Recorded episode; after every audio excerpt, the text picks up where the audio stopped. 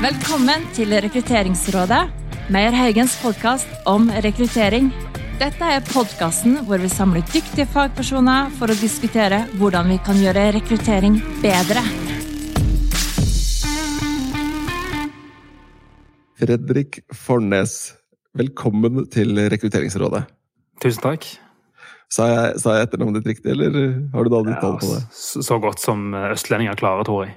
Det var, det der skarre-r det mangla, eller? For, Fornes. Veldig mange sier Fornes, og sånt, men det er Fornes, altså. Ja, riktig. Du, vi har møttes her i dag fordi vi skal snakke om, som- om noe som jeg brenner for, og som jeg tror også du brenner litt for. Og, og det er uh, stillingsannonser. Yes. Uh, men uh, for, for, fortell først, sånn at lytterne blir litt kjent med deg. Hva, hvem er du, og hva er din bakgrunn? Jeg er opprinnelig journalist, og jobbet en, eh, ja, opp mot ti år i, eh, i Aftenbladet som sportsjournalist. Sånn frilans og, og vikariat og diverse. Og så var det liksom det som var målet, da, å bli journalist. Eh, Så nådde jeg det målet, og så fant jeg ut at det var ikke det jeg ville likevel. Og så gjorde jeg et skifte da for en tre-fire år siden hvor jeg gikk over til, til markedsføringsbransjen. Da tenkte jeg kunne kombinere skrivingen med, med det kreative. Så da har jobbet i forlag og byrå og eh, et software-selskap i B2B-bransjen. Og i den forbindelse så testa jeg ut LinkedIn da, for et år siden. Og så eh, tok jo det litt av, da. Så det har jo på en måte snudd opp ned på, på karrieren min. Som gjør at jeg har Hva mener du med at du tok i bruk LinkedIn og tok av deg? Da ble jeg nysgjerrig. Uh, nei, altså det, tanken var jo bare at jeg skulle eh, teste ut den plattformen fordi at jeg skulle inn i B2B-bransjen. Eh, Ja. Og så var det ikke noen tanke om at jeg, skulle, at jeg skulle bygge min egen merkevare, eller at det skulle gi meg så mye annet enn at det, at det var litt god branding for firmaet. da. Men eh, Ja.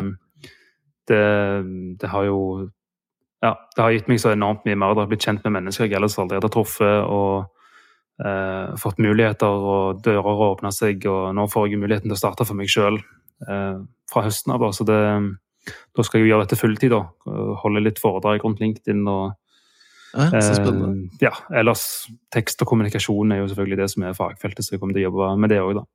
Riktig. Men så, så når du da gikk inn på LinkedIn og brukte det som en plattform, som du sier, for, da var det for å distribuere innhold, eller egentlig for markedsføringsøyemed, da? Ja, det var egentlig det som var målet. Det var for å bygge merkevaren til det selskapet jeg skulle begynne i, som jeg opplevde at kjennskapen til det var for dårlig.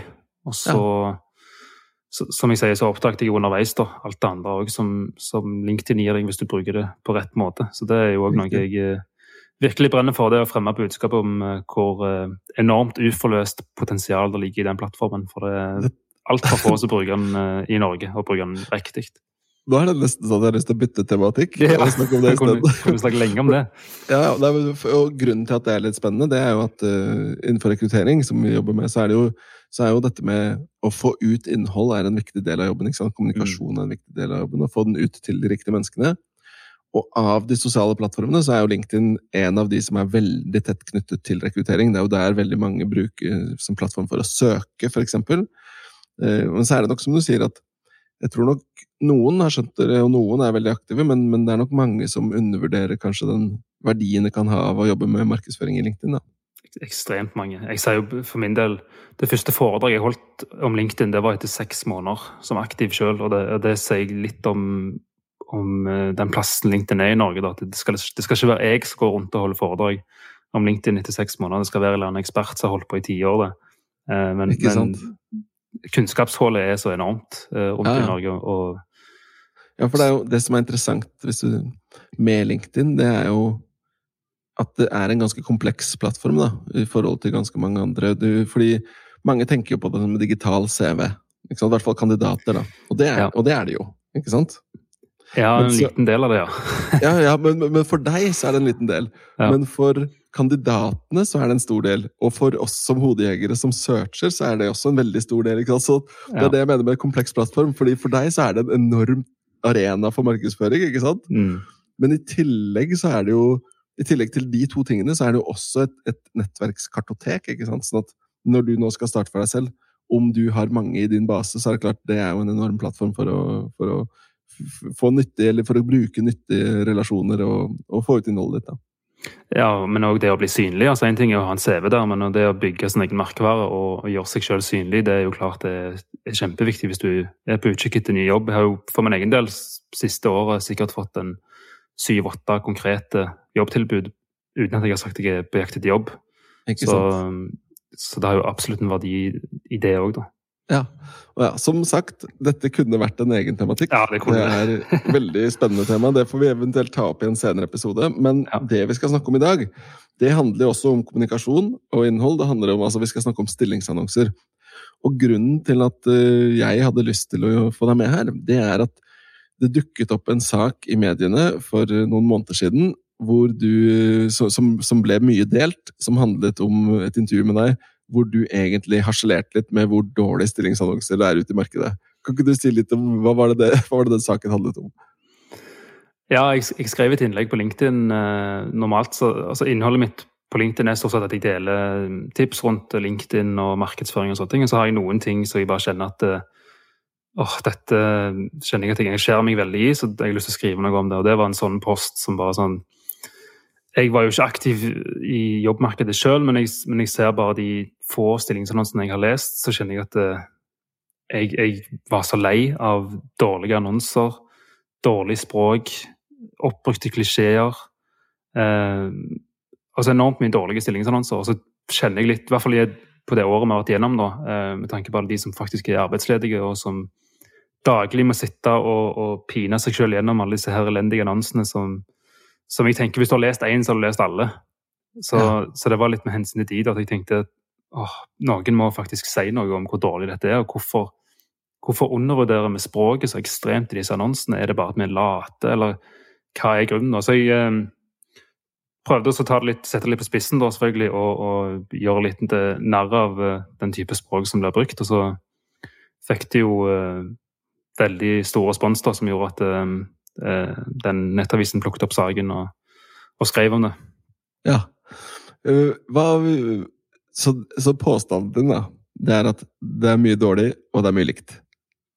Ja, det er, det er veldig mye dårlig, og, én en ting er språket, men også sånn oppsettet på det. Altså de, det virker som at uh, vi på en måte har grodd fast i en uh, alder hvor, eh, hvor det er liksom arbeidstakere som skal stå med lua i hånda, det, og annonsen er formulert på den måten fortsatt, selv om det Ja. ikke er realiteten i dag. Eh, det er jo en kamp om de beste talentene, så, så jeg forstår ikke helt hvorfor vi ikke har Eh? Du blir jo aldri bedre enn en din egen humankapital, så, så hvorfor det legges så lite innsats ned i å faktisk eh, lage annonser som tiltrekker seg de beste folkene, og, og, og skape litt konkurranse om eh, Altså rift om det, da. Det, Ja. det, det forstår jeg ikke helt. Og det er, jo, det er jo nesten som å høre deg snakke om læreboka vi, vi lever etter, for jeg er helt, helt enig. Og det, det som er litt utfordringen, tror jeg Du har liksom flere aspekter av det. Det ene er jo, det ene er jo språket. For det er mange som er gode til å skrive, og som kan skrive med, med følelse og patos og, og gode, god, god tekst og gode argumenter, ikke sant? Men utfordringen ligger liksom litt dypere. Da. Den ligger i det du sier, med at man, man sitter i en sånn forventning om at og annonsemalen er, det er et paradigme, da, som er at annonsen skal si noe om jobben, skal selge inn jobben, og så skal du si de kravene du har som arbeidsgiver. da. Men den der vinklingen hvor man tenker, som du sier, at eh, kandidaten skal komme med lue i hånda, det er litt der problemet ligger.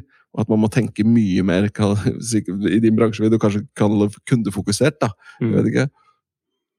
Ja, eh, og så virker det Jeg vet ikke om det, om det går på at det på en måte at de skal ha fart på det, sånn at det, det fort blir en sånn copy-paste-holdning. At, det- at det har et veldig sånn satt format og omtrent akkurat de samme klisjeene og de samme kravlistene. Så, så endrer du bare på litt grann på overskriften eller et eller annet eh, for Ja. å få det kjapt ut. Om, om det er det som er tanken. Men eh, igjen så forstår jeg ikke da at at det nedprioriteres i så stor grad. da. For det, det skal ikke så mye til, tenker jeg, for å faktisk eh, Ja, få helt andre resultater. Og det kan til og med ta mindre tid. altså Hvis du kutter kravlisten og heller skriver en, en kortere annonse som strengt tatt har mindre tid å skrive, så kan du få enormt mye bedre resultater, vil jeg tro.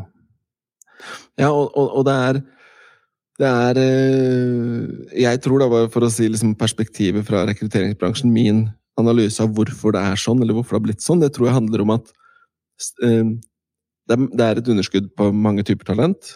Det er mange som skal ha tak i dem, og, og veldig mange bedrifter har et stort rekrutteringsbehov. Og stillingsannonser er en effektiv måte, altså annonsering av en jobb, og å få inn søkere, håndtere søkere, det er den enkleste måten å rekruttere på. Det er mye lettere å gjøre det enn å gjøre søk og oppsøke kandidater og spørre om de er interessert. Og den biten der. Uh, og, det, og det gjør at man, og så er det liksom etablert praksis, og så har man dårlig tid, og så blir det sikkert mye copy-paste, som du sier, men, men, det er liksom the go to solution. da. Mm. Og så tror jeg det kombineres med av at man ser at ikke det funker, og da tror jeg kanskje man også kan bli litt slepphendt. da. Altså Man vet det at ja, men det gir jo nesten ingenting ute på de annonsene likevel, så om det er så mye utarbeida jobb, liksom om jeg skriver det ett ord annerledes, det har ikke noe å si, for det kommer ikke så mye bra ut i andre enden uansett. Mm. Det, tror, det, tror, jeg er litt av liksom, kjernen i problemet, da. Ja, det, det blir jo en veldig ond sirkel i så fall, da. Så... Ja, det, det, blir det. blir noe sikkert. Ja. Men, eh, men vi, vi, vi, har jo sett da at vi holder kurs i stillingsannonser og jobber mye med hvordan kan man skrive bedre, hva er det egentlig man bør tenke på. Um, og der ser vi at de som følger liksom de prinsippene som gjelder for god kommunikasjon da, i stillingsannonser Og nå snakker jeg om det som om det er en fasit, én fasit på hva det er, det er det jo ikke. Men, men det vi har sett, er jo målbar effekt på 20-30% flere relevante søkere til stillinger. Sånn at det er klart, kommunikasjon har noe å si. Og i hvert fall når annonser er liksom hovedstrategien din. da. Absolutt. Vi kunne jo lese skifter i forrige uke om uh, Indie Riot, som, uh, som basert på et LinkedIn-innlegg uh, som harselerte rundt språket i stillingsannonser. De sier ikke hvilket LinkedIn-innlegg, det kunne de jo veldig gjerne gjort, syns jeg, men det er en annen historie. Men i hvert fall så var tanken da at de, de skulle ansette normale folk. Ingen, ingen rockestjerner eller linjer eller den type ting. Og de tok liksom det på kornet og gikk veldig på at det var normale folk de skulle få. Ja. Og, og, fikk 250 søknader på, på to uker. Så, ja, og, og, igjen, jeg, du ser det jo på, sant, på responsen jeg får på, på innlegget mitt, som eh, jeg tror, det, jeg tror, det, fikk 50 000 visninger eller noe sånt, på, og 800 reaksjoner eller noe. Eh, mm. og kommentarfeltet er veldig tydelig på at uh, altså Én ting er, er, min opplevelse av det, men når du ser at så mange responderer, og spesielt de arbeidsledige uh, og arbeidssøkende, sier mm. at de, de, kjenner seg veldig igjen, og at de at er fed up da, av alt det dårlige der ute. Ja. Men hvis du skal basert på Du jobber jo med kommunikasjon mm. og innhold. Hva, hva, ville du tenkt er gode tips da, til de som lytter der ute, for å prøve å jobbe litt med egne stillingsannonser? da? Altså jeg pleier å si at, at målet, med, målet med en stillingsannonse for min del er egentlig tre ting. Det første er at du på en autentisk måte skal selge inn firmaet ditt som arbeidsgiver. Og faktisk gi leseren et genuint ønske om å få bli en del av organisasjonen. Eh, og særlig på den siste der eh, syns jeg mange feiler. Og, og så òg det med å gi en ærlig beskrivelse av hva stillingen faktisk går ut på. Og, og i den sammenheng faktisk gi inntrykk av at dette er et ekte menneske vi søker etter, ikke et, et eller annet supermenneske. Mm. Eh, for av og til så virker det som at eh, det kommer innspill fra flere i organisasjonen som sier ja, hva kunne du tenkt deg i denne stillingen, ja, ja, jeg trenger det og det. Og så bare syr de det sammen til en lang liste, og så, så henger de jo ikke sammen, disse kravene. Um, så, så, heller å fortelle Du skal få lov å fortelle egenskaper og kvalifikasjoner som, som kandidaten bør ha, men at det bør gjøres på en, på en mye mer imøtekommende måte. Da. Det, formuleringene der inne er jo ofte veldig kalde. Altså eh, Det å fortelle folk hva, hva, de skal være, f.eks. At du er, ja, eller vi forventer, ja, vi forventer at du er. Ja, eh, og det er klassisk. Det, og det tror jeg nok veldig mange som lytter kjenner seg igjen i. Det gjør vi. For det er veldig vanlig. Ja, og det, det, er veldig rart, altså, for det er jo en kjempekald måte å snakke til folk på. Ja, det er veldig, veldig jeg, Tenk deg hvis du er på date, da. Ja. Og, de, og du, du dater sier at ja, du må være veldig ryddig hjemme. Du må være punktlig. Og du, det er ikke veldig hyggelig date. Nei, og jeg, jeg skrev jo et innlegg om det òg, hvor jeg på en måte jeg snudde om på det. da, og Så hadde jeg en post hvor jeg skrev eh, som om at jeg var en som på jakt etter en kunde. Eh, og så skrev jeg liksom uh, annonsen på den måten da, at jeg forventer ja. at, at, du betaler regningene på tiden. Jeg forventer at du godtar at vi ikke alltid rekker deadline. Uh, mm. Jeg forventer mm. at du har kompetanse på det vi driver med, så jeg slipper å forklare deg alt. Ja, uh, og så veldig lite om hva egentlig vi kan tilby, og så send en søknad, så, så skal ja. vi vurdere om du får lov til å bli kunden vår. og, så, og, så, svarer vi deg ikke, vi svarer kun den som er den som blir eh, kunden vår, da, selvfølgelig. Ikke sant? Mm. Og der er vi over på en annen ting, men det er en realitet at Ja. 30% av de som søker, får jo ikke svar. Det er black box, hører ingenting tilbake. Nei. Men uh, apropos det med Du, du sier ikke sant um, at um, Så sier man et lite innsalg, ikke sant? eller man prøver å liksom pitche litt inn hva man tilbyr. og sånn. En av de tingene som jeg ser veldig mange gjør, da, som jeg mener er feil, grunnleggende feil, det er å si f.eks. at her er det et, et godt arbeidsmiljø og spennende utviklingsoppgaver, eller spennende utviklingsmuligheter. Det er en klassiker, det står jo veldig ofte. Men Mm. det, det som jeg tror mange glemmer, da, det er at det er ikke du som skriver det som definerer om dette er spennende, eller om det er et godt arbeidsmiljø. Det er det jo leseren som må avgjøre. Yes. Det du kan gjøre, er å beskrive hva det er. Og si at hos oss så er et godt arbeidsmiljø sånn og sånn og sånn. Eller hos oss kan du utvikle deg til disse retningene, og så blir det opp til meg å avgjøre om det er spennende. For det er de der påstandene da, som gjentas hele tiden. Helt enig. Det, show, don't tell, pleier jeg å si. Og, og jeg syns en fin øvelse er å, er å lese gjennom beskrivelsen og så spørre deg sjøl ja, men hva vil det si? Sant? Så hvis du skriver eh, ja, dere har et godt arbeidsmiljø, ja, hva vil det si? Du kan Yes. forvente deg spennende og variert arbeidsdag. Ok, hva vil det si? Eh, I denne stillingen er det viktig å være strukturert. ok, Hvorfor det, og hva vil det si? Ja, men det, er, Um, det er helt riktig måte å tenke på, tror jeg, da, hvis man skal klare å skrive det på en måte som faktisk treffer. da. Ja, og, og klart hvis du ikke kan svare på det, så er det kanskje en formulering som du ikke trenger å ha med det hele tatt. Hvis, hvis, uh, sånne åpenbare ting som f.eks. kandidaten bør være engasjert og nysgjerrig, så er det sånn Hvem er det som definerer seg selv som, som uengasjert? Uh, altså, det er jo en selvfølgelighet, det kan jo bare tas bort. Uh, eller, gode, eller gode samarbeidsevner. ja, sånne Nei, det har ikke jeg. Jeg er ikke noe god på samarbeid. er, er det noen som tenker at de ikke er det, liksom? Det, Ja. Men, og, og da er vi over på en annen ting som er en sånn klassisk feil, mener jeg, da, fra et rekrutteringsperspektiv. Fordi alle disse listene, alle disse kravene du setter opp når du skriver annonsen, de er jo med på å gjøre Som du sier, du ser etter en Supermann, for du må ha alle disse sjekka opp alle disse boksene. Men så er det også sånn at disse tingene du snakker om nå, samarbeidsevner og andre ting, det er ingen som vil kvalifisere seg vekk på det. Ergo så har det egentlig ingen funksjon i stillingsannonsen, hvis du skriver det bare sånn Dette er ting du egentlig heller kan sjekke i et intervju, ikke sant? Og sånn sett så trenger du ikke ha det med i stillingsannonsen. Så det er også et, et godt spørsmål du må stille deg, da. Gir dette verdi så tidlig i prosessen, eller er det noe vi kan sjekke av senere, og sånn sett ta vekk fra lista nå? mm. Veldig bra. Um, hva med Du snakket om Du nevnte floskler tidligere. Uff, Noen av de mest klassiske flosklene, eller en klassisk floskel, er jo sånn Du må være god på å jobbe selvstendig og i team. Ja. Som er litt samme greia. Hvordan kan man skrive sånne ting på en bedre måte, syns du? Um, igjen så handler det om det der show don't tell. altså Hvis du bruker sånne ord som, som er oppbrukte og, og egentlig har, har Det kan nærmest ha motsatt effekter, for de er så oppbrukte at, de- at de har ingen mening lenger. Sant? Fre- Fremoverlent, eksempel, som jeg ser Ja. veldig ofte. Sånn, hva, hva er det egentlig å være fremoverlent? Um, utadvendt er jeg òg en veldig motstander av, fordi at du ekskluderer jo egentlig alle introverte der. Og, og Ja. hvorfor, uh, hvorfor må du være ekstrovert for å ha den stillingen? Jeg er jo selv introvert, så jeg kan jo ofte lese stillingsannonser og jeg ok, uh, hvorfor kan ikke en introvert gjøre denne jobben Ja, vel så bra, kanskje bedre enn en ekstrovert?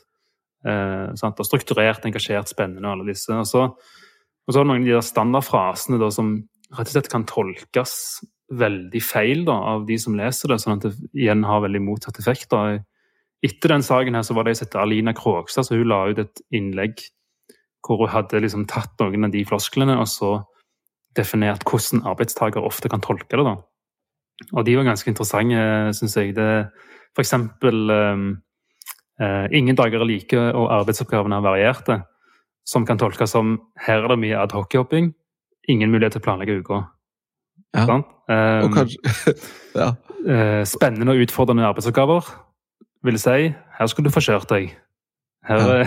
her blir det um, Konkurransedyktige betingelser er jo òg et veldig eh, Veldig lite givende begrep som egentlig Ja, kan tolkes som middels eller dårlig lønn, som absolutt ikke kommer til å vinne noen konkurranser, i hvert fall. Eh, Nei, nei, det, nei, og så det er- ligger jo i begrepet. Og da er vi også litt sånn derre Det blir litt sånn som jeg snakket om i stad. Det er noen ting som ikke du trenger å skrive fordi det, det hører litt hjemme senere i prosessen. Det blir Ja. som å skrive i annonsen 'du får lønn'. Ja. Det, er liksom, det, er, det forventer vi jo, ikke sant? Og, uh, ja. Men ja. øh, du nevnte dette med, du nevnte dette med f.eks. ekstrovert. da. Mm. Eh, og så har vi jo vært innom det med at veldig mange skriver jo liksom kravene, eller kvalifikasjonene, som krav. Vi, vi, vi, du må være Vi forventer at du er av den biten her, ikke sant? En, en god leveregel der kan jo være å, å før man sier et krav i kravlista, skriv noe om hvorfor. Fordi det hvorfor er med på å forklare mye. For eksempel her er det veldig her, her er du, Dette er en jobb hvor du må snakke med veldig mange mennesker på ulike steder i organisasjonen. Derfor er det, godt, derfor er det viktig at du er glad i folk. da. Mm. Det er en bedre måte å skrive ekstrovert på, da, eksempel. Absolutt. Og så er det lettere for deg som kandidat å kalibrere om dette treffer deg, da, ikke sant? og hva det egentlig betyr. Så du slipper å tolke, da, som du sier. Det du sa med variert og eh, Hva var det du sa? Varierte og adhoc-oppgaver, eller eh, et eller annet i stad? Ja, eh, ingen, ingen dager er like. Varierte arbeidsoppgaver. Ja, og hvis det står sånn, så kan jeg tolke det til det du sa i stad, som er at her er det fullstendig kaos. Ja. Men så kan det også bety at det faktisk er veldig struktur, men masse spennende forskjellige oppgaver. Men det vet jeg ikke. Og, og det vil jo være instrumentelt relevant for meg for om jeg vil, vil søke eller ikke. da. Absolutt. Så show, don't tell. Det er god leveregel. Ja, og som du sier, de formuleringene prøver å snu om perspektivet der og eh, ha, ha det, det som, som vi kaller for kandidatorientert istedenfor. Eh, sant? det at du kan si vi forventer at du er kreativ. Hvis du heller snur den om, og så sier du Jeg kan ta det gjennom tre steg. da. Først og fremst, vi forventer at du er kreativ. Veldig lite imøtekommende. Tar du et steg videre, kreativitet er viktig for å lykkes. Ok, Ja. Litt mer imøtekommende. Ja. Eh, og så nummer tre, liker du å være kreativ, så vil du trives godt i denne jobben her. Ja, Sant? Du da har sier implisitt- akkurat det samme. Mye mer Har du implisitt også sagt at det er viktig? Ja, sant? sant? Og det, er også, det er noe med det som de der tre stegene du sier. ikke? En, en på mellomsteget, en annen måte å skrive mellomsteget, er at vi tror at for å lykkes, så Ja. er det fint om du er kreativ. Så du er litt mer rund i måten du formulerer det på. Mm. Det vi, det vi eh, jobber en del med, eh, og da skal jeg dra parallell, jeg har jo skrevet en bok for jobbsøkere som, som heter Jobbsøkerkoden, sammen med Olav Skjeve. Og den handler om jobbsøkerkommunikasjon, men prinsippene der er jo mye det samme som det vi, ser, det vi snakker om nå. Det handler om å, Som jobbsøker så må jeg forstå hva er du opptatt av når du skal ansette. Hva er det som er viktig for deg? Så er det de tingene jeg må svare ut. Og Det, det prinsippet er jo gyldig for stillingsannonser òg. Mm. Men en av de tingene vi skriver om der og jobber med i, i vår jobbsøkerkursing, det er jo hvordan innleder du en Ja. søknad? Og på samme måte så her så er det jo spørsmålet hvordan innleder du en, en jobbannonse? Der har jeg, en, har jeg en, en måte som vi tror på, men jeg er spent på å høre liksom, hva tenker du? Fordi det er litt der det fanger oppmerksomheten min. da. Uh, ja, jeg, jeg eh, Altså mitt, mitt format sånn ideelt sett, som jeg tenker, er at du først og fremst, hvis du starter på toppen, da har en overskrift som, som sier noe om hva personen skal løse for folk, og er totalt kjemisk fri for disse her rockestjernene og ninja og alle disse her fryktelige ordene som folk liker å bruke. For det er jo en ting, hvem er det egentlig som, som tenker, ser på seg sjøl som en rockestjerne eller en ninja? Eh, Ja. Jeg tror ikke det treffer så veldig mange mennesker, og hvis det treffer, så tror jeg ikke jeg vil ha de folkene i mitt firma. Um, og så selvfølgelig at, at veldig tidlig i annonsen må det komme en introduksjon av stillingen som gjør at de kjenner at dette, dette er noe som, som jeg kan levere på. Og så tenker jeg òg at det med å selge inn um, arbeidsgiver òg må være um, ganske tidlig. Altså hvorfor er dette en fin plass å jobbe? Hva ønsker dere å oppnå? Hva er problemet? Hvem kan løse dette? Ja. Og så kan jeg gå inn på liksom, hva innebærer jobben, hva innebærer en, en vanlig dag, og til slutt en eventuell liste med, med krav sammen med, med en eller annen forklarende tekst, helst. da. Ja, og så skrevet litt, som du sier, litt kandidatorientert på en måte som gjør at det, ja. det, det vi, det vi en, en oppskrift for en innledning, da, som, som vi ser funker bra, det er å, som du sier, begynne litt med det store bildet. Hva skal du løse? Og, fordi veldig mange stillingsannonser begynner jo med sånn det, Vi er det og det selskapet, vi har så og så mange ansatte i så og så mange land og omsetter for ditten og datten, og vi jobber med de og de kundene, og sånn, sånn, så er det veldig, veldig faktaorientert, ikke sant? Men kutte de greiene der sånn selskapsinfo, det kan du enten ha på bånd, eller så finner du det på websiden, eh, eller en lenke til en webside med info. Men begynn med hva er det, hva, what's the purpose, da? Hva er det store problemet du skal løse, som du sa i stad, ikke sant? Ja. Og så tror vi veldig på å da introdusere et problem. Hva er problemet? Jo, problemet er, altså For å lykkes med det her, så trenger vi gode data, for eksempel, da, hvis det er en analytiker du skal ha. Så har du introdusert et problem, og da begynner det å ligne på en sånn klassisk storytelling, ikke sant? hvor du har en eller annen mission, og så Mm. har du et problem, en utfordring som dukker opp, og så må du ha en helt. Og for å få helten inn i historien da, så må du si at ok, da introduserer du helterollen. Eh, Du har, dette er mission. Nå har vi et problem, vi trenger gode data. Derfor trenger vi denne helten her. Og så drar du leseren inn i historien. Hvis du er opptatt av gode data, sånn og sånn og sånn, og hvis du i tillegg motiverer seg sånn og sånn, og sånn, da burde du lese videre. Ja. Da har du liksom dratt kandidaten inn i, inn i, inn i heltereisen, da. Ja, veldig bra. Og, og så tenker jeg òg det med å det å på en måte selge inn, selge inn firma på en god måte og få de til å forstå hva er det, what's in it for me, hva, hva får jeg igjen for dette. For der tror jeg en del har liksom feil perspektiv. Eh, jeg leste en annonse forrige uke hvor arbeidsoppgavene og kravene var liksom 35 punkt, tror jeg. Og så kom nederst i lista så var det 'vi tilbyr', som var tre punkt sammenligna. Sant? Og der er liksom, ok, nå, nå har du listet opp alt det der greiene du må være. Ja. Ehm, og, og der også er det sånn, det var jo en markedsforestilling, og der også ser jeg ekstremt mye rart. Eh, og, og mye sånn selvmotsigende krav òg, som f.eks. at du skal være eh, veldig strukturert, men kreativ. Som er gjerne to egenskaper som kanskje er litt i, i hver sin ende av skalaen. Men det er en annen historie. Men eh, de siste tre punktene da var altså Et av de var at eh, her fikk du muligheten til å forenkle norske bedrifters hverdag med våre løsninger. Som er sånn det, det sier meg ingenting om hva jeg får som ansatt. Det er jo bare en pitch av firmaet, det der. Ja, ja. Så et av de punktene var liksom en sånn total som bare sier meg ingenting om, om hva jeg som, som arbeidstaker kan, kan forvente å få, og hva miljø jeg blir en del av, og, og hva gjerne sant, hva samfunnsansvar tar dere, hva, hva kultur er det, disse tingene her som gjør at jeg får lyst til å jobbe der. da. Ja, det er et veldig godt poeng. Og en, en interessant parallell som slo meg, og det var egentlig ikke mer enn et par dager siden, så jeg var litt overraska over at jeg ikke har tenkt på det før, men det er jo en, en formel som jeg er veldig glad i, som er en formel for tillit. Kanskje du har hørt den eller vært borti den før, men den sier at tillit, og så er det en mattestykke, ikke sant, en brøk, hvor det er C pluss R pluss I delt på S er lik tillit. Og da er jo C, R og I, det står for credibility, om, om jeg burde høre på deg, vet du hva du snakker om osv. Reliability, er det en rød tråd i det du gjør, er du konsistent? Og I-en er intimacy, som handler om personlig relasjon. Hvis jeg skal selge deg noe, så er det mye større sjanse for at du stoler på meg hvis du vet at jeg skal være kompis med deg etterpå. ikke sant? At det er noe mer enn bare transaksjonen. da. Alt det er med på å bygge tillit, men det som bryter ned tillit, det er S-en, som er under brøksreken, og det er self-focus. Og det vi snakker om nå, det er jo som du sier, ikke sant, at det handler kun om hva jeg trenger som arbeidsgiver.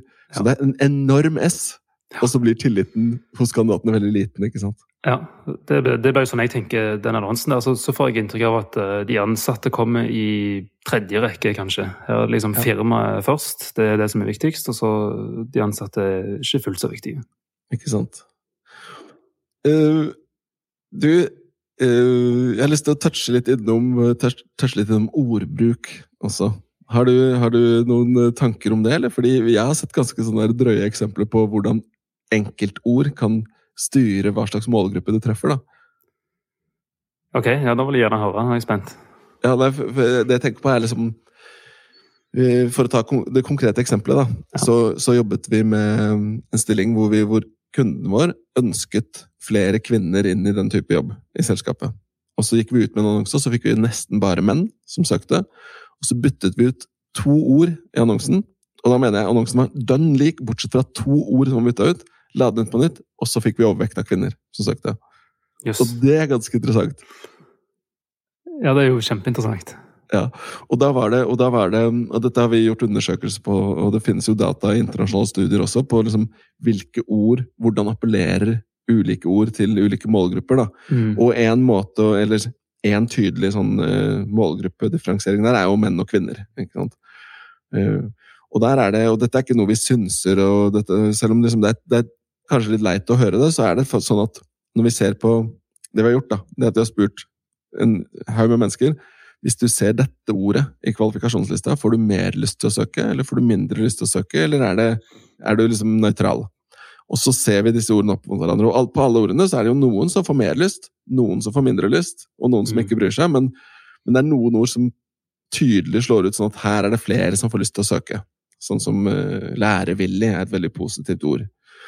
Og når vi ser på da målgruppen og differensierer svarene på kvinner og menn, så ser vi det at um, blant de ordene som høyest grad skiller menn og kvinner, så er det sånn som for eksempel selvsikker er mye eh, er forholdsmessig mye mer at altså Det er mer menn da, som syns det er positivt, enn kvinner. Der er mye mer negativitet til kvinner. Mm. Mens teamorientert og relasjonsbygger og sånne ting er mer Det appellerer mer til kvinner, da. Og det er litt trist å si det høyt, og det høres ut som jeg er en forferdelig mannssjåvinist, men dette er bare data. Så, ja. så at, og det er en realitet, da, at sånn treffer det. Eh, så det. Så det er jo en viktig ting man bør tenke på, liksom hva slags språk man bruker. da.